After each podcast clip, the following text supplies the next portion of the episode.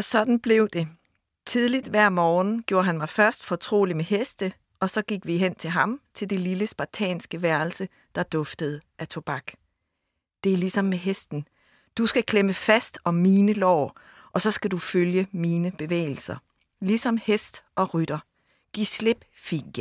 Prøv at bløde op. Jeg er jo ikke ude på at slå dig ihjel. Nu har du efterhånden lært ridedyret at kende, og jeg vil gøre det godt for dig, ligesom du gør det godt for mig. Ser du, fik jeg. Det er ikke med kærligheden, som mange mandslinger og fruentimer går og siger, og som kaster sig rundt i sengen og sjældent får noget særligt ud af det. Når man finder kærligheden, jeg har selv kun prøvet det en, en enkelt gang, og nej, det var ikke med Beatrices mor. Hun var syg i hovedet, ligesom alle andre op på slottet, og lunefuld som ind i helvede. Den ene dag ville hun den, og den næste dag tudede hun. Næh, det var med en rigtig kvinde, som jeg havde i flere år, indtil hun døde fra mig. Men det var ikke det, jeg ville sige til dig. Sandheden er, at når man finder den rigtige kvinde eller den rigtige mand, skal man prøve at forstå hinanden. Kroppen er et fint instrument, finere end en guitar, og jo mere man øver sig og forsøger at finde samklang, jo finere bliver lyden, og jo stærkere nydelsen. Men du er nødt til at være med og hjælpe mig. Der er ikke noget at skamme sig over. Se, nu bevæger jeg mig lige så langsomt, og du følger mig. Og når du mærker varmen stige i dig, skal du sige det, så venter jeg på dig, og vi går begge to fra sans og samling. Hvorfor vil du ikke fortælle mig det, når varmen stiger i dig, min tøs? Hvis du ikke bryder dig om at sige det, så giv tegn. Hold fast om mig med dine arme. Bid mig i øret, hvad som helst. Du sveder og ryster over hele kroppen, men du nyder det ikke rigtigt, det ved jeg. Sådan ja. Rolig, rolig. Du skal ikke skamme dig. Og hvordan skulle jeg have vidst alt det, hvis han ikke havde fortalt mig det? Lidt efter lidt lærte jeg at følge ham ind i den skælvende malstrøm, og første gang jeg virkelig kom, var det så skønt, at jeg troede, jeg skulle dø.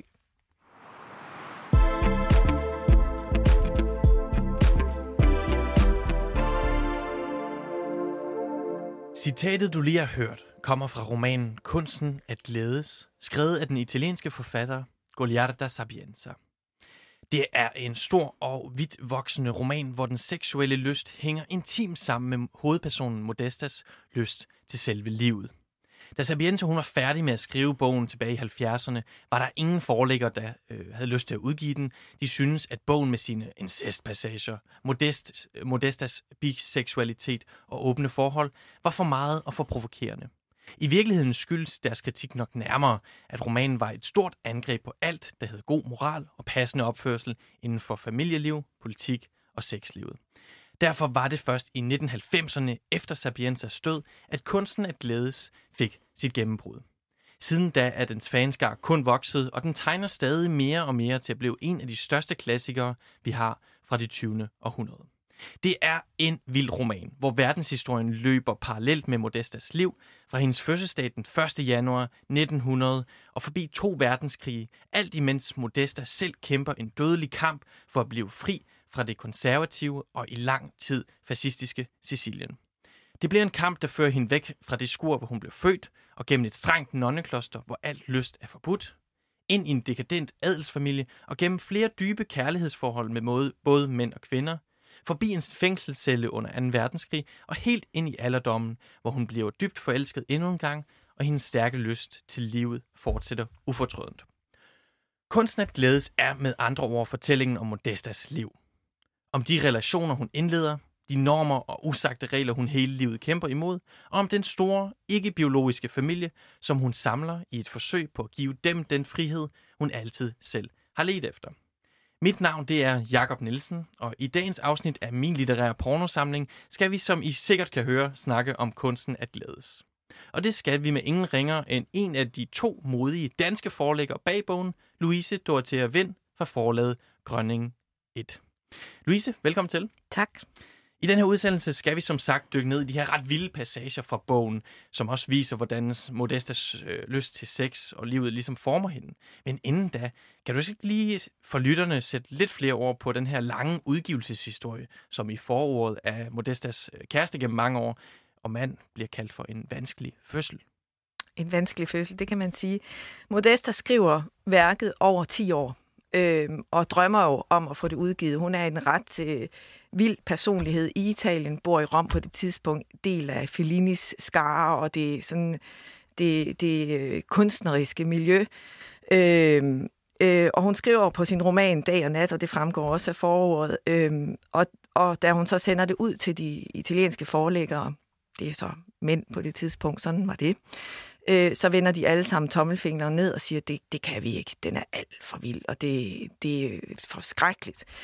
Øhm, øh, og øh, Modesta når aldrig at opleve, at den bliver udgivet, for hun dør desværre, og så hendes mand, øh, Andrea Pellegrino, øh, øh, tager bogen og udgiver den for egen, på, egen, altså på sit eget lille forlag, øh, og øh, går ned hver dag i Feltrinelli i Rom og ser, at de der to eksemplarer, de har indkøbt, de står der. Den der boghandel i Rom. Nede i boghandlen, som er en stor boghandel i Rom, ja.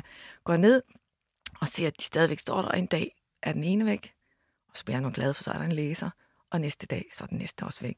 Og så begynder han at tænke, okay, der er altså alligevel, så var det begyndt at være sådan en lille salg i Italien, og den udgave, han udgav, den er fuldstændig uopdrivelig i dag. Det er sådan en, det er sådan en øh, samlerobjekt øh, så sender han øh, bogen med en, øh, øh, med en scout til Frankfurt, den store bogmesse i Frankfurt, hvor tyskerne opdager øh, øh, Goliarta Sapienza og, øh, og læser den i, på i Tyskland øh, og synes, den er fantastisk, og sender den til Frankrig. Og der i Frankrig, der står, er en kvindelig forlægger, der lægger mærke til den, øh, og hun sender den til sin, til sin oversætter. Oversætteren skriver tilbage, det er en fantastisk bog, men jeg vil altså lige advare, at hvis, øh, hvis, I over, hvis I udgiver den, så kan det være forlagets ruin, for den er meget, meget vild. Men hvis I ikke udgiver den, så er der ingen nogen grund til at have et forlag. så, så den franske forlægger blev ligesom sat i, en, i, en, i, en, i, et, i, et spænd, i et spænd der, og blev selvfølgelig nødt til at udgive den, med, hvis man vil bevare sin integritet. Og så udkom den i Frankrig, og den har været en meget, meget stor... Øh, det har været et meget stort klassisk værk i Frankrig i mange år, øh, og har været også en, en, en, en, et, et grundlag og et idégrundlag for, for mange af de store, også franske feminister. Og nu er den jo så også ude i, i USA og The New York og skriver om Altså, den, den er helt klart ved sådan at, at blive opdaget som en af de, de værker fra det 20. århundrede, vi skal have med på vores liste. Øhm, den er jo 6, over 600 sider lang i den danske udgave, og er, er aldrig nogensinde endnu blevet udgivet på dansk. Havde du det på samme måde med, at man lige så godt kunne lade være med at have et forlag, hvis man ikke udgav den her? Jeg mener, det må have været dyrt for jer også at skulle oversætte den. Ja, det, det havde jeg bestemt. Altså, det er jo det der med, at tingene skal jo også kunne hænge sammen, hvis man skal få det til at... Og, øh, altså, man drømmer jo om, når man har et forlag, at, at udgive selvfølgelig øh, nogle bøger, man brænder for, som kan være farlige udgive, fordi de ikke kan hænge sammen økonomisk, eller fordi de kan øh, øh, øh, øh få folk til at synes, eller det kan være for vildt for folk, men, men, øh, øh, men jeg kunne, altså jeg, jeg kunne bare også, tiden var også inde til Goliarder, altså så det var også lidt, jeg, jeg turer godt, for jeg kunne også godt mærke, at vi er jo i en tid lige nu, hvor vi er i gang med at genopdage nogle, nogle glemte stemmer, vi er i gang med at genopdage nogle glemte kunstnere generelt. Så tiden er moden til Goliarder. Jeg tror ikke, hun har ville have fået det samme gennembrud for, ja, for, for 15 år siden som nu. Kan du så ikke sætte nogle ord på, hvad det var ved selve romanen, der begejstrede dig så meget, at, at du ligesom tænkte, at den her blev nødt til at udgive? Jamen, jeg synes faktisk, altså når man læser den første side, så bliver man en, øh, varm i kinderne på mange måder. Øh, det gør man, øh, det, den er enormt øh, insisterende fra første blad. Øh, øh, så synes jeg, den er udover den, den driver læser, altså den har jo faktisk et page-turner, i, altså den, den er jo, man har lyst til at læse videre, men, men det, det er også en, en roman, som hver sætning er så fuldendt, at øh, næsten essayistisk, der ligger næsten et helt essay nede i en lille sætning om, hvordan man kan prøve at forstå verden og forstå mennesket. Det var noget af en teaser. Øh, jeg tror, vi for, for lytterens skyld skal, skal dykke lidt mere ned ja. i romanen og ligesom høre en passage øh, fra det, der så er Modestas første seksuelle oplevelse med andre end sig selv. Og det er, når hun møder øh, drengen Tutsu, som bor tæt på hendes første hjem. Han er noget ældre end hende og lærer hende en masse ord og en masse ting, imens hun følger ham rundt omkring. Og passagen det består, som det meste af romanen, af ret meget dialog, og her er det så Modesta, som først spørger, om hun må kigge Tutsu ind i øjnene, fordi hun vil, nu vil lære om havet.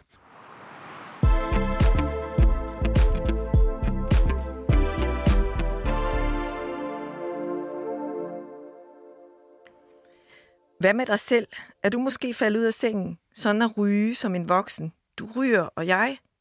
Må, må jeg godt se dig ind i øjnene? Hvis jeg gør det, kan jeg måske blive klog på, hvordan havet ser ud. Kig du bare løs. Hvad skulle der være i vejen for det? Hvis du absolut vil lære om havet, så for min skyld ingen alarm. Du må virkelig kunne lide det, siden du er så rød i hovedet. Køn er du, selvom du er tosset. Meget køn i dag. Hvem har din mor mund avlet dig med? I hvert fald med en mand, og sømand var han efter sine også. Skal du nu også være morsomt? Hvad er der med dig? Sidst var du en rigtig dødbider. Du vågnede måske pludselig i nat og havde det sådan. Jeg vågnede, ja, men ikke i nat. Det var også det, jeg ville tale med dig om. Hvad skulle jeg vide om, at du sådan ligger vågen om natten? Det må du skulle snakke med din mor om. Det med havet er en ting, men sig mig, er du fuld? Du er rød i hovedet som en fyldebøtte. Hvad ville du ellers spørge mig om? Spyt ud og hold op med at glo på mig. Nej, nu gider jeg ikke mere, og jeg bliver ved Guds svimmel af, at du glor sådan. Dine øjne er smukke, når man ser dem tæt på. Det ser jeg først nu. Som honning er de. Hvem har din mor mon avlet dig med? Nu skal jeg tilbage til arbejdet. Jeg gider ikke mere. Hov, kan du så slippe mig? Er du blevet vanvittig? Varmen steg igen. Det dampede op fra jorden. Bjergene var atter fjerne og blå. Jeg måtte ikke lade ham slippe væk. Jeg måtte spørge ham om grunden til, at jeg, da jeg for lidt siden så på ham, og også nu, hvor jeg holdt ham i armene, fik sådan lyst til at kæle med mig selv dernede. Hvad, hvad er nu det for noget at spørge om? Og så i din alder. Du er en rigtig møgeunge, er du. Min far er ret. En møgeunge. Har du ingen skam i livet? Hvad skulle jeg skamme mig over? Hvis jeg selv har fundet ud af det, og ingen siger noget om det, så er det noget, alle ved. Brava! Det er logik. Pas nu på, Pichirita. Hvis du ikke slipper min arm, bliver det værst for dig selv, du lille. Pas på, blodet, stiger, blodet ikke stiger mig til hovedet. Hvorfor skulle jeg passe på? Jeg er ikke bange for dig, og du skal svare, svare mig, hvis du besked med det. Selvfølgelig gør jeg det. Tror du, jeg er idiot? Jeg er et mandfolk, og hvis du ikke passer på, skal jeg kæle for dig, og så ender vi med at begå en dumhed. Jamen lad os da begå den dumhed. Jeg er ikke bange. Det er dig, der er bange, og du skal forestille dig at være et mands, mandfolk. Du ryster jo over hele kroppen. Han havde gjort sig fri og var ved at komme på benene. Jeg var underlig kraftesløs i armene, men da jeg så ham stå der og samle huen op uden at se på mig, og da jeg ikke kunne rejse mig, rullede jeg hen over jorden og greb ham om anklerne. Jeg var bange for, at han ville sparke mig, men så bøjede han sig ned. Først så det ud, som om han ville gøre sig fri af mig, men så satte han sig på hug og lagde sig ind over mig. Han havde lukket øjne. Havde han slået sig i faldet? Var han besvimet? Der gik 100 år. Jeg turde ikke sige noget. Jeg var bange for, at han skulle give slip på mig. Og selv med min bedste vilje havde jeg ikke engang kræfter til at bevæge læberne nu. Jeg kendte ikke denne mærkelige træthed. En behagelig træthed gennemstrømmet af ilinger, der holdt mig flydende.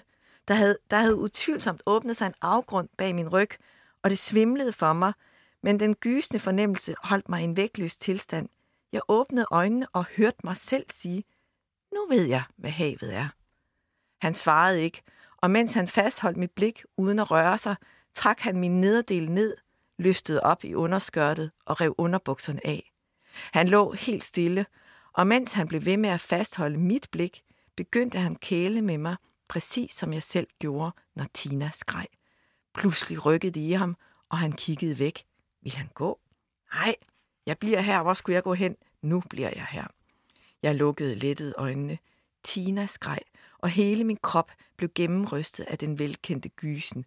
Så blev hans kærtegn så dybe, at... Hvordan bar han sig ad med det? Jeg så på ham. Han havde spredt mine ben, og hans ansigt var begravet mellem min lår. Han kælede med tungen. Det kunne jeg ikke have regnet ud, hvis jeg ikke havde kigget.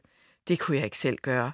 Den tanke sendte en gysen gennem mig, der var så dyb, at Tinas skrig forstummede. Og det var mig, der skreg højt. Højere end hun skreg, når mor lukkede hende inde på dasset. Var jeg besvimet, eller havde jeg sovet? Da jeg åbnede øjnene igen, var der helt stille på sletten. Vi må vist hellere lade, være, lade det blive ved det, pigebarn. Du er en vild en, men jeg vil ikke bringe dig i ulykke. Tag underbukserne på og stik af med dig. Se hellere at komme afsted nu, hvor jeg har besindet mig. Du fordrejede jo hovedet på mig. Ja, det ved Gud, du gjorde. Hvem skulle have troet det? Du er ellers fristende er du, men jeg vil ikke bringe dig i ulykke. Stik så af med dig. Udover din ret fantastiske oplæsning, så synes jeg, det er vildt, altså hvordan den her, de her første seksuelle oplevelser bliver beskrevet, altså mere specifikt, hvordan man som læser også har fornemmelsen af, at hun famler i blinde, hvilket man måske godt kan huske fra sin egen tidlige ungdom. Men jeg kunne godt tænke mig at starte med at snakke om den her skammen. Hvad er det for noget at spørge om? Har du ingen skam i livet, spørger Tutsu, da Modesta spørger ham, hvorfor hun får lyst til at røre ved sig selv, når hun ser på ham. Og Modesta svarer så, hvad skulle jeg skamme mig over? Hvis jeg selv har fundet ud af det, og ingen siger noget om det, så er det noget, alle ved. Louise, hvad tror du, hun mener med det? Jamen, hun, hun, hun, skammen er jo, tror jeg, her at, at, at kulturbegreb. Øh, øh, det er, det er øh, seksualiteten er øh, tilhører øh, voksne mennesker, bestemte konstellationer og giftermålet.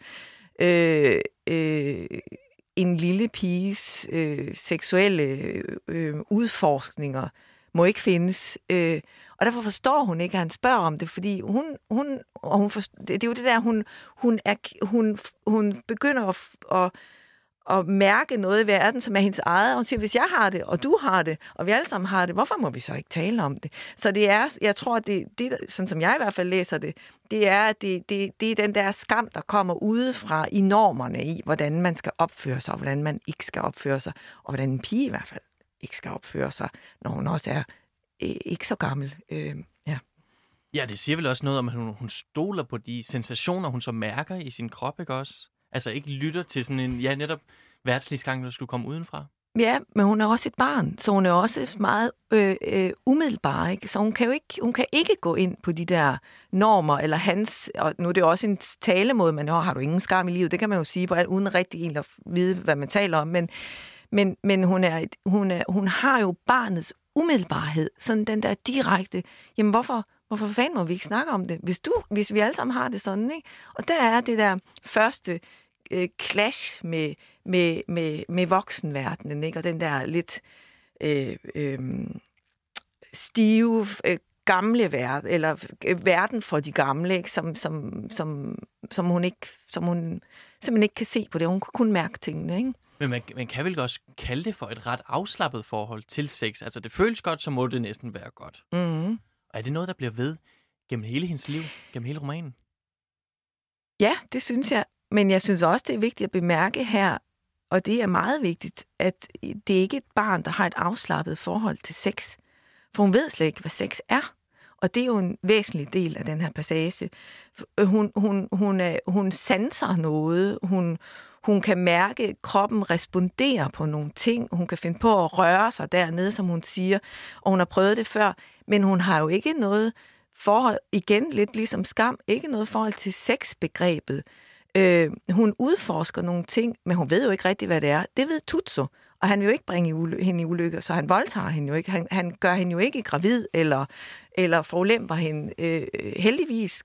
Men hun er jo, hun er jo på så meget over på barnets side, at hun ikke har sex med som en, mm. en idé her. Øh, hun synes, det er mærkeligt, at man overhovedet kan finde på at gøre noget med sin tunge. Ikke? Det ville hun aldrig opdage, hvis hun kunne have kigget. Ikke? Så det er meget barnets synsvinkel her. Ikke? Øh, og jeg synes egentlig, det er, det er, det bliver nemlig ikke forplumret af øh, øh, øh, noget, der for os kan være farligt, når man taler om, om øh, det gør det ikke. Og hvem er Tutsu så? Altså en lidt ældre dreng? Tutsu er, barn, øh, det er barndoms, øh, det er dreng, man er, øh, det er dreng, hun er så forelsket i ham. Og han har jo, man kan jo regne ud, han har jo de klareste blå øjne fordi hun ser havet i hans... Hun, hun har aldrig været ude ved havet. Hun kommer inden fra indlandet på Sicilien. Hun har aldrig set havet. Hun drømmer om havet. Hun drømmer om vandet. Hun ser vandet i hans øjne. Hun er jo simpelthen... Det er jo så uskyldigt, det hele. Alt, hvad hun, hvad hun siger og gør her, er jo simpelthen så uskyldigt. Men han har havet i sine øjne. Og han ved jo nogle ting, for han har set havet. Så hun prøver også at pumpe ham for oplysninger. Hvordan ser det ud ude ved havet? Hvordan? Hun er jo meget lyst. Hun er jo en, hun er en, en pige med, øh, med, altså hun er jo hun er helt klart fremme i skoene, ikke? Det er der ingen tvivl om. Og det er vel også det med, at øh, hun er nysgerrig også på altså, øh, kropsen, kropslige sensationer på den måde, og går til ham umiddelbart med de spørgsmål, så hun så har om kroppen Ja, og seksualiteten. Du kan jo sikkert ikke få svar andre steder heller. Man kan jo ikke spørge i år 1900, på, eller i år, det er sådan, år 1910 på Sicilien, kan du jo ikke spørge om sådan nogle ting. Du kan ikke spørge de voksne i hvert fald. Så hun spørger jo en lidt ældre dreng, men som stadigvæk ikke er så gammel, ikke? Så, som også gerne vil virke sådan lidt klog og lidt sej. Og så han, jeg synes faktisk, at personen træder utrolig smukt frem, for man kan også godt se ham for sig, den der lidt, lidt lapsede fyr, der ligger på marken, ikke? og synes, hun er lidt irriterende og lidt interessant. Ikke? De har jo ikke andet at lave, men havde ikke nogen iPads dengang. Hvad hedder det? Vi skal snart læse lidt videre i romanen og forsøge at forstå, hvad der så sker med Modestas store ja, sex, men også livsløs, når hun så bliver spærret inde bag murene i et nonnekloster. Mm. Men Louise, kan du ikke lige først øh, genfortælle, altså, hvorfor hun overhovedet ender der, og hvad det er for et sted, hun så kommer hen til? Jo, det kan jeg. Hun, hun ender der, fordi det, der sker, det er øh, Tina, som bliver nævnt i den her passage, vi lige har læst, det er hendes evnesvage søster, skaldede evnesvage søster, som sidder og skriger, som bliver passet. Og f- altså, Modesta kommer jo fra mørke, mørke Sicilien. Fluerne summer, det er fattigt, det er, der er ingenting, og hun er, hun, hun er bundet til sin mor, den her øh, øh, evnesvage søster, som hun, hvor hun kun finder nydelse ved skrigen. Ikke? Hun kan simpelthen ikke holde ud. Det er meget, altså at finde nydelse ved skrigene, det siger jo meget. Ikke? Øhm, øh, og, og det er klart, der kommer, der kommer en mand i den familie, som siger, at han er hendes far, og han, han voldtager hende jo. Øhm, og, og efter det, så bliver hun sendt væk, fordi hun bliver sendt øh, til et nonnekloster, som skal hjælpe hende og prøve, om moren og Tina dør i en brand. Måske anstiftet af Modesta selv, øh, eller i hvert fald en brand, der, der sker jo, altså hele barndomshjemmet går til grunde, øh, og Modesta kommer så bliver sendt til et nonnekloster for at hjælpe hende. Altså ikke som en straf, men fordi man tænker, nu må man sende hende derhen, der vil man gerne hjælpe hende, og der er nogle søstre, der gerne vil tage sig af hende. Og der er også en familiær årsag til, at klostret bliver valgt. Øhm, så, så hun kommer jo inden for, for nonnernes mure på et tidspunkt, ja. Ja, lige præcis, og bliver, får et ret specielt forhold til en af nonnerne, der hedder Moder Leonora, som lidt tager Modesta under sine vinger, og så i en aften i et tårn skal lære hende om stjernerne, om astrologi. Og lige inden det her citat starter, så har hun fortalt Modesta, hvordan hun selv endte som øh, nonne i klostret.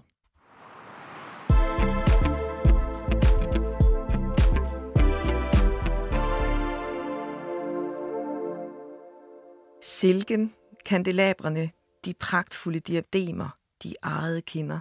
Jeg mærkede et sug i maven, ligesom når jeg var sulten. Begyndte at ryste, som moder Leonora havde gjort dengang, og kastede mig i hendes arme for at skjule mit ansigt. Hun blev så smuk, når følelserne løb af med hende, og jeg ville skjule den brændende længsel, jeg havde født efter at blive taget i den, i den officers arme. Det var så stærkt, at det måtte kunne ses i mit ansigt, selv i mørke. Tutsu, hvor var Tutsu? Han havde ganske vist ikke ejet kinder, men det blå hav strømmede ud mellem hans øjnes smalle sprækker, og han kærtegnede en med stærke hænder. Tutsus hænder kærtegner mig i mørket. Hver gang rørskoven forstummer i skumringen, kærtegner han mig på den måde. Nej, det her er ikke Tutsus hænder. Det er moder Leonoras bløde og rystende håndflader, der glider op over mine hofter til mine skuldre og straf, strejfer barmen som et vingesus. Hvad er der med dig? Blev du bange? Blev du skræmt ved tanken om, hvor fortabt jeg ville have været, hvis jeg var blevet ude i verden? Men Jomfru Maria åbnede mine øjne i tide, ligesom hun vil åbne dine. Rolig, rolig, faren er drevet over. Nu er du stor og stærk, og du må ikke blive så bange, som du blev, da du var lille. Kan du mærke, hvor din barm er vokset? Kan du huske, hvor bekymret vi var for, at den skulle blive lige så flad som søster Teresas? Ja, mine bryster var heldigvis vokset, men hendes hænder fik det, t- fik det ikke længere til at gyse i mig. De var slappe og vågede aldrig det mindste. Jeg havde håbet mange gange, men det blev aldrig til andet et par generte kærtegn. Først havde jeg troet, at moder Leonora ikke kælede med sig selv, fordi hun var så uskyldsren. En helgen, som de alle sammen sagde på klostret. Men nu vidste jeg, at hun også tilfredsstillede sig selv om natten, nøjagtigt som jeg gjorde. Det havde jeg opdaget den nat, hvor jeg fik lov til at sove i hendes seng, fordi jeg lod som om, jeg var bange for tordenværet. Og da hun var overbevist om, at jeg sov, begyndte hun at kæle med sig selv og stønne. Hun var bestemt ingen helgen. Hun var en kujon. En kujon var hun, og det var derfor, hun ikke talte om, an, om andet end helvede og pinsler. Hvad har jeg sagt? Der, der lyder et højt skrig, og jeg skubbes væk af flagrende hvide hænder. Hvad har jeg sagt? Hun er ude af sig selv. Jeg må have sagt noget frygteligt. For nu flakser moder Leonora op i tårnet som en flagermus, der er blændet af lyset. Det må være noget frygteligt, siden hun falder på knæ og korser sig fortvivlet, mens hun råber, Mea culpa, mea culpa, mea maxima culpa. Hvad gør jeg nu? En ret vild passage, hvor Modesta her til sidst gør noget, som vi måske alle sammen er kommet til, nemlig at tænke højt, men på det helt forkerte tidspunkt. Og det vækker så en kæmpe skandale på klostret. Men Louise, mens hun tænker højt, kalder Modesta mod Leonora for en kujon. Hvad tror du, hun mener med det? Fordi, øh, fordi øh, øh, hun ikke står ved sig selv.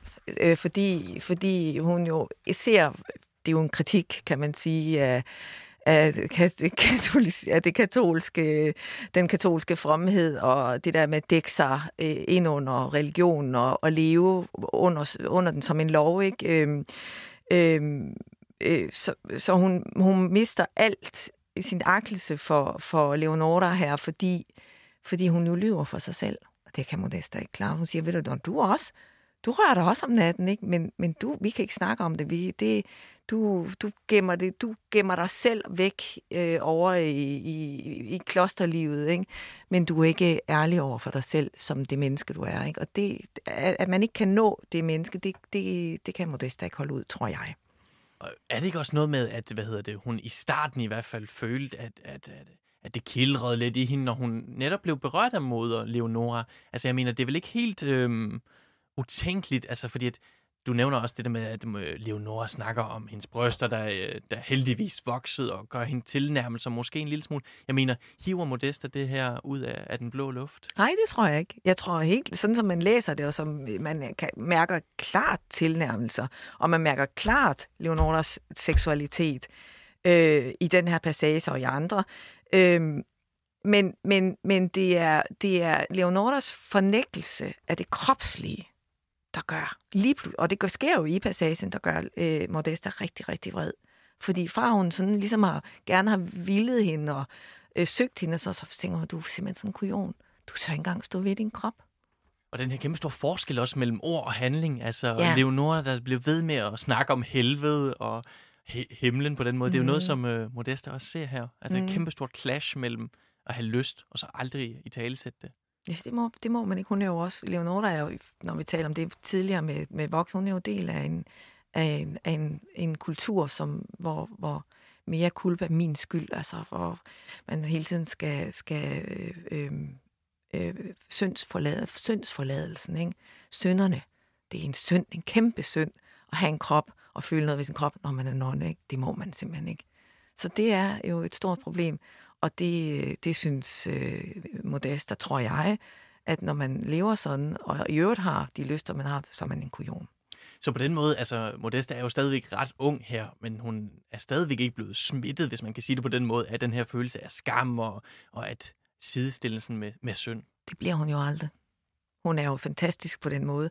Hun har jo et opgør med hele vejen. Hun, altså, den her roman er jo en kæmpe udviklingsroman, fordi hun gør jo op med rigtig mange ting, og i, nu er hun jo, det er jo en italiensk, Goliardo Sapienza, en italiensk forfatter, og skriver selvfølgelig også i en italiensk og katolicismen, det katolske spiller en stor rolle i det italienske samfund, og i hvert fald også på Sicilien i første halvdel af, af det 20. århundrede, det er klart. Øh, så det er, det er på sådan overordnet også et opgør med, med øh, katolsk øh, tankegang og stringent øh, behov for øh, syndsforladelse og paradiset efter livet, og ja.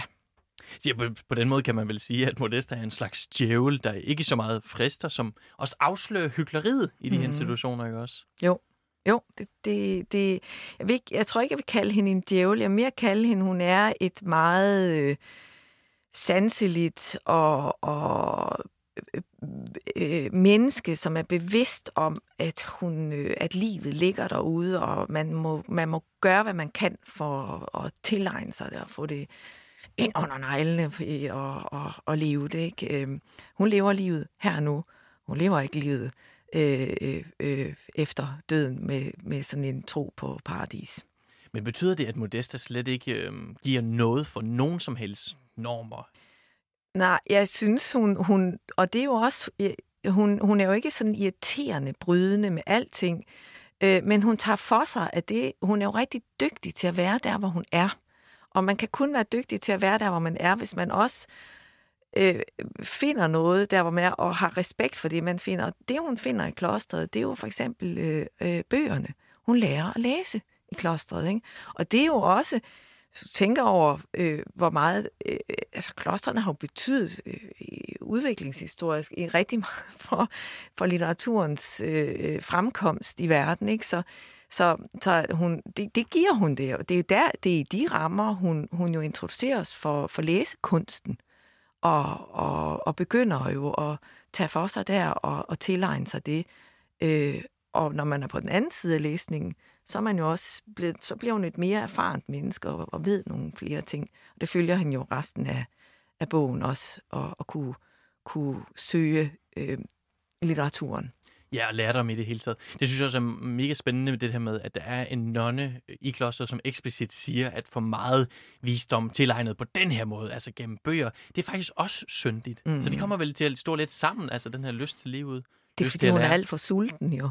Altså hun er jo i, hun er jo, øh, Modesta er jo i sin, altså vi, hun, det er jo det kropslige, det er appetitten på livet, det er altså appetit, som man, man spiser bøger, og man, man tilegner, man som frådende kaster sig over øh, øh, visdom og lærdom og alt, hvad der kan være. Ikke? Og i, i de klassiske, når man læser Dante og læser, altså der er jo rigtig mange ting, og hun, og hun, hun, hun, hun æder det, hun sluger det råt, og det gør hun. Hun er et kropsligt menneske, ikke? Men hun er også et kropsligt menneske, som, som er åben for erkendelsen. Øh, og det, det de to poler ligger hende hele vejen igennem.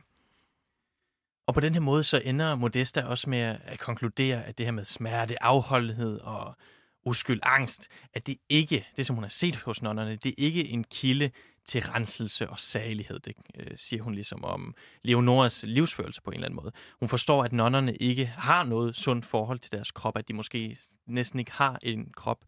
Og når du så hører de her passager, hvad tænker du så om det her syn på, du siger, det er ikke en, en erkendt seksualitet endnu, men det her forhold til sin krop, som hun så har, som du siger er meget umiddelbart. Øh, altså, hvad tænker du om det helt generelt? Altså, vil du kalde det et moderne syn? Eller et frigjort syn? Ja, det, og det er jo også... Øh, øh, det er jo også et, øh, det er jo meget individuelt. Altså det er jo også hun hun hun det er jo det er jo indi, hun er jo et individ, og hun, og hun melder sig ikke ind i et fællesskab for at være del i et fællesskab. Hun er der, hvor hun er, men, men hun er der for sin, for sin egen skyld, og det er også problematisk i romanen. Ja, hvad mener du med det? Fordi, fordi, øh, fordi hun, øh, hun er jo også et vanskeligt menneske, og, og hun, hun, øh, der, der, hun slår jo også mennesker ihjel. Altså, hun er, hun er jo, hun er jo et, et, et svært menneske på den måde. Øhm, så, så det er også problematiseret. Altså, det, det egoistiske menneske, som kun gør tingene for sin egen skyld, det er også det er, det er, det er, det er, det, det handler den også om. For det gør hun jo. Og det clasher selvfølgelig meget med omstændighederne. Det gør det det, det, det klarer selvfølgelig med de der øh, øh, klosteromstændigheder. Ikke? For hun kan selvfølgelig ikke blive inden for de der mure, fordi det, det, så ville hun jo slukkes. Og vi har jo lige fået antændt en... Nu begynder vi jo at antænde et, et menneske i brand på mange måder, øh, og det, så selvfølgelig skal hun jo ud i verden. Ikke? Øh, den der ild, at brænde ting ned og bluse op, og så, altså den, den, er, den spiller jo også en rolle, vandet og ilden, elementerne. Det er altså den vi taler her, og så får man masser af idéer til, hvad, hvad det hele er. Den er. Det er en utrolig kompleks og meget smuk øh, roman. Det synes jeg virkelig, det er. Tak. Kan du så ikke også forklare os, hvordan hun kommer ud af klostret, og hvor hun så ender henne? Ja, nu, nu, nu øh, ødelægger vi lidt noget af, men, men, men der er Leonora ryger en tur ud af vinduet, og, og øh, så kommer Goliath, nej, undskyld, så kommer Modesta ud af klostret. Ja, og mere specifikt så kommer hun jo ind øh, i øh, Leonoras værtslige familie. Leonora, hun tilhører den her adelsslægt, som øh, har en kæmpestor, øh, jamen hvad hedder det, kan man kalde det en slags gård og tilhører en øh, titel og land. Øh, og det er ligesom tanken, at hun lige skal forsøge, altså hun skal opleve det værtslige liv, for så at vælge, om hun vil tilbage i klosteret. Mm, det er rigtigt, ja. Leonora lægger den plan for hende også, at, at, at hun må prøve det, som hun også som nonne selv har prøvet, og, og kunne så kunne vælge det rigtige. Ikke? Og der finder hun så ud af, at Leonora hun næsten var endnu mere hyklerisk, fordi hun faktisk i virkeligheden kom i kloster, efter selv at have født et, et barn uden for ægteskab. Og langsomt med årene, så bliver øh, Modesta så selv den her familiens overhoved.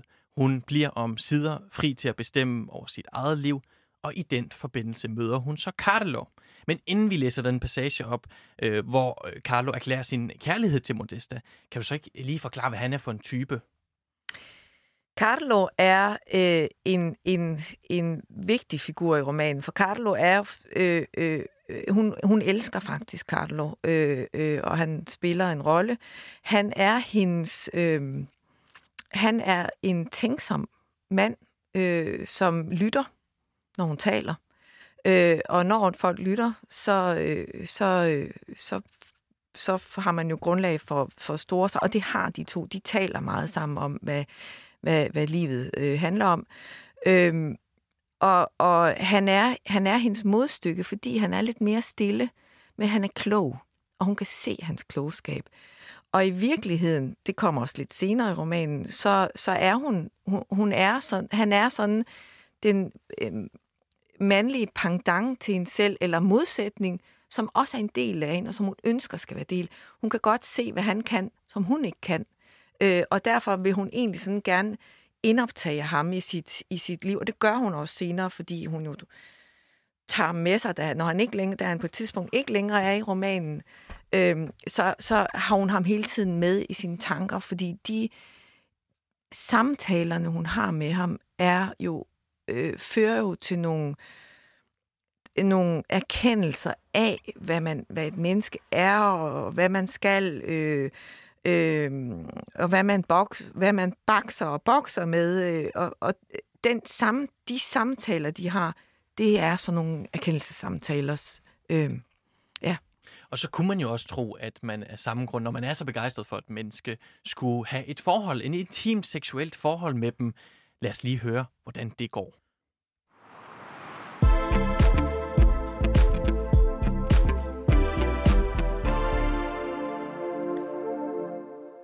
Hør nu, fyrstinde, jeg elsker dem. Jeg elsker dem. Jeg ved godt, at det er et upassende tidspunkt at sige det på. Jeg har desværre forsøgt at undertrykke min kærlighed til dem, for jeg sætter så stor pris på deres og Beatrices venskab. Hvis de anede, hvor ensomme vi mænd er, hvilket tomrum vi lever i, når vi udelukkende omgås andre mænd. Det er virkelig ikke let at finde kvinder, der er lærte og fri. Det er et meget stort problem for mig. Jeg begriber det ikke, men af en eller anden grund affinder andre sig mænd med, men så kan jeg det mindste tale med dem. Nej, jeg kan ikke tale med dem, for nu indser jeg, at det ikke lykkedes mig at undertrykke min kærlighed til dem. Jeg har holdt øje med dem hele natten, og nu forstår jeg, at alle mine anstrengelser har været forgæves. Så snart Beatrice er blevet rask, vil jeg med deres tilladelse ikke komme oftere i huset. Desuden vil det gøre mig godt at tage tilbage til Torino til kampen. Nej, Carlo, bliv her. Åh oh, Gud, hvad var det, de sagde, fyrstinde? Bliv her, Carlo. Hold om mig. Jeg? Ja, ja. Men nu tager jeg til Catania. Det er ikke så meget hjemmebetydet, der spi- det spiller ingen rolle, men jeg er helt forvirret, Modesta. Selvfølgelig, men bliv her. Kom. Jeg elsker dig, Modesta. Jeg elsker dig så højt, og jeg kan mærke, at du gengælder mine følelser. Du er så kærlig, du ryster. Du svarer ikke. Du er ret, det er dejligt at lade stillheden tale. Han løftede mig op og lagde mig i seng, men han klædte mig ikke af. Jeg vidste det, jeg havde oplevet det en gang før, og ligesom den anden gang trængte han, trængte han ind i mig med sin varme, uden at gøre mig ondt. Da hans hoved blev tungt mod mit bryst, vidste jeg, at det havde været godt for ham, ligesom den anden gang, og lige om lidt ville han sige, undskyld, det gik så stærkt, du lille, men... Men pludselig hørte jeg mig selv sige, sig mig, lærer I slet ingenting af jeres mødre? Hvad sagde du? Hvorfor taler du pludselig om min mor? Hvad hvad tænkte du på? Jeg tænkte på os, på os alle sammen, og på os to lige nu, og hvor lidt vi i virkeligheden ved om kærligheden. Undskyld, men hvad kommer det sagen ved? Må jeg, tænde, må jeg tænde lyset, eller skammer du dig? Hvorfor skulle jeg skamme mig? Jamen, de fleste mennesker skammer sig. Jeg skammer mig selv en smule. Klæd dig bare på. Jeg ser til den anden side. Hvorfor ser du ikke på mig? Du har jo skørtet op om livet, og jeg har ikke underbukser på. Undskyld, Carlo, men du har selv taget dem af. Ja, jeg vidste, jeg vidste, men, men hvad? Jeg forstår virkelig ikke, hvad du mener. Skammer du dig, eller kan du ikke lide mig? Den slags sker, Carlo, og jeg bliver ikke fornærmet. Jeg elsker dig højt, Modesta. Du er mærkelig, men jeg elsker dig højt. Hvor er du smuk uden tøj på. Nu slukker jeg lyset. Hvis jeg er smuk, hvorfor slukker du så lyset? Det ved jeg ikke. Du er så mærkelig. Du elsker mig ikke, Modesta. Hvorfor siger du, at jeg ikke elsker dig, Carlo? Jeg forstår det ikke.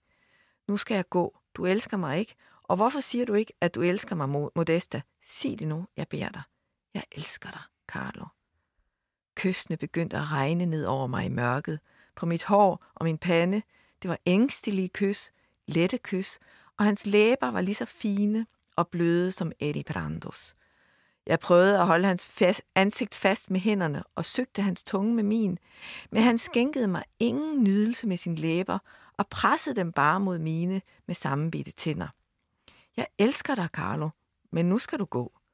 Mens han lykkelig forsvandt, mens han lykkelig forsvandt og vinkede med en hånd, der pludselig virkede så lille og skrøbelig, sendte jeg en ængstelig tanke til Brando og blev liggende i min seng. Jeres møder lærer jeg slet ingenting. Nej, Carmine, de lærer hverken jer eller os noget. Men ligesom du var tålmodig med mig, vil jeg være tålmodig med Carlo. En af årsagerne til, at jeg nok selv blev så forelsket i den her bog, er nok, hvad man kan kalde Modestas klarsind. Efter at have mødt Carmine, som vi hørte om i det allerførste citat, så ved hun, hvad hun vil have. Hun er meget klar i spyttet omkring det, men det affører så også en masse reaktioner og, jeg kan man sige, clash med, med virkeligheden og med de mennesker, hun møder. Carlo bliver ved med at sige, jeg elsker dig, men af samme grund synes han, at det er bedst at forlade hende med det samme. Det er sådan, de lidt indleder det her citat. Men da de så har sex, så bliver han meget usikker og udbryder hele tiden, at Modesta ikke elsker ham, samtidig med, at han kræver, at hun skal sige, at hun elsker ham. Øh, Louise, hvad tænker du om den her forførelsesteknik, eller hvad kan man sige, kærlighedssyn, som, som Carlo arbejder ud fra her? Altså det, det der er vanskeligt øh, i forhold mellem de to, det er jo, at de også har en platonisk kærlighed. De har jo en, en, en, en, en, en erfaringskærlighed. De, de, de taler sammen, og de bliver, han synes, det alle andre kvinder er umuligt men, men, at tale med, men, men, men øh, øh, Modesta er lært, og han bruger hende som samtalepartner. Han elsker jo hendes intellektuelle side også. Øh, og det er et problem for ham at han, at han ser faktisk også op til hende, og han ser op til hendes intellektuelle side. Så, så han er lidt bange for hende, tror jeg. Og han er også bange for hende seksuelt, fordi så er han ikke, han er ikke fri i forhold til hende. Fordi hun fastholder ham, eller de fastholder hinanden i, i, i noget intellektuelt. Øh, og da han så skal fordi han elsker hende virkelig, som platonisk. Altså, den platoniske kærlighed er jo en meget dyb kærlighed. Og han elsker hende også, og han begærer hende også. Det er man ikke i men han tør ikke. Så han er jo i, i noget, i, i, i, han er i, ikke i sin følelsesvold, han er i, sit, i sin bevidsthedsvold eller sit intellektsvold, øh, og det, det afholder ham fra at ture kaste sig ud i elskovskunsten, som hun jo, der hverken er bundet, hun er ikke bundet af noget, hun er heller ikke bundet af, af sin lærdom, hun er ikke bundet, hun synes, tingene er lige til. Hun har lært at ride af Carmine, som vi jo hørte i starten. Hun vil gerne, hun vil gerne tilfredsstilles og tilfredsstille. Og hun går sådan egentlig til det meget pragmatisk. Jamen altså, hvorfor har du ikke lært det? så må hun jo måske lære ham det. Men det kan han slet ikke, for han er alt, alt, han tænker alt for meget over det. Og derfor er han egentlig dømt til ikke at, at kunne have det forhold til hende. For det bliver aldrig frit, og det bliver aldrig umiddelbart. Det umiddelbare, umiddelbart, som vi også så allerførst med barnets umiddelbarhed. Altså den umiddelbarhed, som hun besidder også som voksen, den har han ikke. Han har lærdommens slør trukket ned øh, over, øh, over det. Så det er, han er adskillelsen af krop og sjæl. Og det, du nævner med, øh, hvad hedder det, altså det intellektuelle, det sætter sig vel også i hans forståelse af sex og kærlighed. Jeg tænker bare, jeg tænker meget sådan romantisk, Jane Austen-agtig forførelse, når han går til det her. Altså sådan, jeg elsker dig, derfor må jeg gå væk fra dig. Øh, vi skal have lyset slukket. Jeg skammer mig allerede lidt. Skal vi ikke skamme os sammen næsten? Jeg synes bare, det er jo også dømt til at clashe. Det er det da. Og det er jo også, når vi har læst tidligere om skammen, hvor, hvor, hvor hun jo ikke forstår skammen som barn. Hun forstår den heller ikke nu. Men han er jo blevet offer for den som voksen. Ikke? Så, så hun er stadigvæk den, det frigjorde, det frie menneske, mens han på en eller anden måde jo er øh, et, øh, blevet til et altså, kulturmenneske. Det er jo naturmennesker og kulturmennesker, ikke? Men, men, men, men han, han ved også, at det andet findes. Og det er jo faktisk ret ulykkeligt for ham, mm. fordi Carlo er helt vildt sød, og hun, hun elsker ham. Hun kan ikke rigtig bruge ham til noget i sengen. Vel? Altså, det kan... Og det siger hun jo meget ja. eksplicit. Altså, vi ved, jeg tænker bare, hvor meget vi ikke ved om kærligheden, og lærer jeres mødre jer ingenting. Der er også en stor kritik af kvinderne her, ikke? For der er, og den, den, den kritik ligger hele. Den er jo ikke sådan, den er aldrig sort-hvid. Den har altid øh, nuancerne, øh, fordi hvorfor lærer jeres mødre ikke det her, ikke? Det er jo også lidt, hallo, vågn op, kvinder, ikke? Hvis I vil have et godt liv, så må I også lære jeres børn og jeres sønner, hvad det er, de skal gøre og sådan noget. Så er det også ret vildt udtalelse at komme med til en, til man, hvad lærer jeres mødre ikke noget, fordi det, skulle, det ligger næsten sådan noget incestuøst i det, ikke? Skulle en mor lære en søn? Ja. Nej, men, men, men hun synes, og det kommer også til udtryk i romanen med mange, hun synes jo, kvinderne er kvindernes eget problem i, i mange hensener, i mange andre sammenhænge. Øh, fordi hun synes, det er jo kvinderne, der fastholder, lidt ligesom Leonora fastholder, de fastholder hinanden i, i, i, i det der øh, civilisationsmønster. Ikke? Og vel også de her traditionelle roller som kvinder. Fuldstændig. Føde og føde, og altså, det kommer også til. Altså, det er jo det, det er en kritik af, af, af, af ja, øh, kvinde, kvinde, øh, øh, kvinderne, som, som er del af en, af en kultur, de selv fastholder. Ikke? Hvorfor lærer jeres mødre jer ingenting? Er det også det, du mener med det essayistiske på en eller anden måde? At der ligger en hel kritik i det ene ja. sætning af? Ja, det kan man tænke man da også i dag, når man nogle gange tænker øh, øh, folk, der ikke kan opføre sig. Hvorfor, hvis, hvis, hvorfor lærer man ikke sine, sin børn eller sit, sit drengebarn at opføre sig ordentligt, hvis man altså at respektere øh, kvinder, ikke? Altså, det er jo, der ligger jo, der, der er nedarves jo nogle gange noget, øh, og kvinderne har en opdragende rolle i det, ikke? Hvad tror du, hun øh, sådan konkret efterspørger i sengen med Carlo? Er det det her med, at man, han bare skal være åben for at, at prøve ting sammen? Ja, jeg, jeg, jeg tror, hun leder efter... Øh, øh, hun har som du kan se, hun har jo prøvet det før. Hun har prøvet med nogle andre mænd, som også har været kedelige at gå i seng med, ikke? og som har slukket lyset og så gået lidt for hurtigt. Ikke? Hun, hun, hun søger tilfredsstillelsen, tror jeg. Hun søger det vilde rit, som hun havde med Carmen. Hun søger orgasmen og sammensmeltningens øjeblik. Hun søger, hun søger, hun søger da sin egen fuldstændig kropslige, for, øh, øh, øh, øh, kropslige øh, fuldendelse, som så også bliver en, det øjeblik, ligesom der bliver jo en frigørelse, det øjeblik, du så, så ser, ligesom da hun var bare så så jeg havet. Helt ærligt, da hun så blev tilfredsstillet med Tutsus tunge, så behøvede hun ikke at spørge om havet, eller prøve at lede efter ind i hans øjne. Hun så havet. Det, som Modesta selv kalder det at have sex i sig selv. Hun siger, at det er ikke en slags idé, platonisk idé nødvendigvis. Det er simpelthen bare noget, en kropslig, øh, hvad hedder det, øh, oplevelse, som man kan mm. have sammen. Og det er også der, hendes kritik af, af kommunisterne ligger. Hun siger, at de er faktisk alt for meget i deres hoved. Mm. Altså, de abonnerer også på sådan nogle store idealer, men øh, altså, når hun så snakker om det kommunistiske Rusland, altså som jo har efter revolutionen i 1919, så angriber hun også det faktum, at de i starten snakkede meget om fri kærlighed, men så også endte med at gifte sig alle sammen. Det er hun også sur over. Altså hun dyrker jo den her idé om den frie kærlighed. Ja, hun dyrker jo ideen om det frie menneske. Og, og det øjeblik, et system tager over og bliver systemisk, hvor man ikke har respekt for individet, og ikke har respekt for det enkelte menneske, men det enkelte menneske puttes ind i et system som det vigtigste, og kan ofres for systemet, så er hun ikke med længere. Og derfor kritiserer hun kommunismen, øh, og det gør hun måske nok med rette, ikke? fordi og det er også derfor, hun kritiserer nonnerne. Altså alt det, hvor, hvor, hvor øh, fællesskabstanken eller systemtanken, det er på bekostning af individets frihed. Det kan hun ikke være med til. Lærer jeres mødre jer ingenting? Altså det her med, at en kvinde tager ejerskab og ansvar over sin egen krop, sin egen seksualitet. Tror du også, at det er en del af grunden bag, at øh, kunsten at glædes nu er ved at blive genopdaget som en ny og måske især feministisk klassiker i dag? Ja, det tror jeg, fordi jeg tror, øh, nogle af, øh, ja, fordi hun jo tager fat på kvinderne selv, og selv er en kvinde.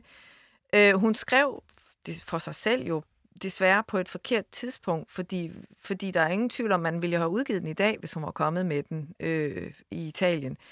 Øh, øh, altså, ja, hun, hun skriver jo på en måde, som kvinder ikke måtte skrive på i det 20. århundrede, men som de gerne må i dag, og som mændene måtte skrive på i 20. århundrede, og, og har jo mange andre kanoniske kvindeværker fra det 20. og tidligere, har jo haft en maskulin karakter. Hun er 100% en, en kvindekarakter, ikke? Et opgør med alt. Øh, øh, ja. Så jeg synes, og, og hun, er jo, hun er jo heller ikke feminist. Det er jo det, der er så vigtigt. Man kan ikke sætte det i bås.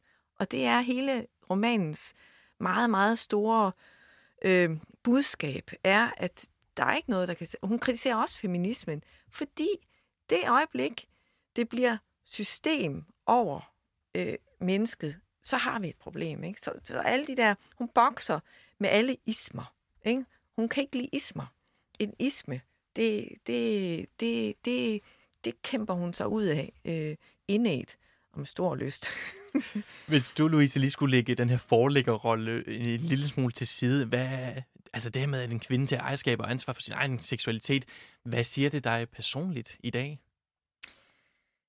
Jamen, det er jo, det er jo, det er jo en frihed, altså, og det er jo også, øh, det er jo også en frihed at tænke seksualitet som, som noget teknisk, eller at man kan, man kan øh, lære det, og man kan gøre det, og man kan trykke på en knap. Og man, altså, det, er jo, det er jo den frihed, vi er nået til i dag, at, at, at seksualiteten er noget, man må gøre brug af, og man må have for sig selv eller med andre, og som man kan, man kan også blive bedre til den, man kan øve. Altså det synes jeg, der er, er at gøre den til en almindelig del af, af, et, af, af livet. Og ja, så, så jeg synes da, det er, jeg, jeg synes, det er, det er, det er jo væsentligt. Tusind tak. Hvad hedder det? De sidste spørgsmål, vi når her i dag, det er et, jeg selv øh, lige skal høre dig af, fordi at jeg blev meget begejstret for den her bog. Jeg har også hørt, at du måske skal udgive flere af de her Goliarda Sapiensas bøger. Ja, øh, jeg kommer til at udgive den næste, som er faktisk hendes sidste roman, øh, før hun dør, øh, som hedder Appuntamento a Positano, som men hedder, den er udkommet i, i USA nu, den hedder Meeting in Positano, som også er to kvinder. Det handler faktisk meget om om kærligheden mellem kvinder. Det er, den er ikke lige så omfangsrig, øh, men den er lige så god, så, så den kan folk glæde sig til. Hvornår kommer den cirka? Den kommer til foråret 23. Men der er mange, hun har skrevet mange, så hun har også selv været psykiatrisk. Altså Goliath var jo i psykiatrien, og har jo også skrevet om at være i psykiatrien der i, i 60'erne. Det er også interessant med, med noget af de ting, der sker i psykiatrien, psykiatrien i dag. Så. Louise Dorte Vind, tusind tak, fordi du var med i dagens afsnit af Min Litter Pornosamling. Selv tak. Vi lyttes ved i næste uge.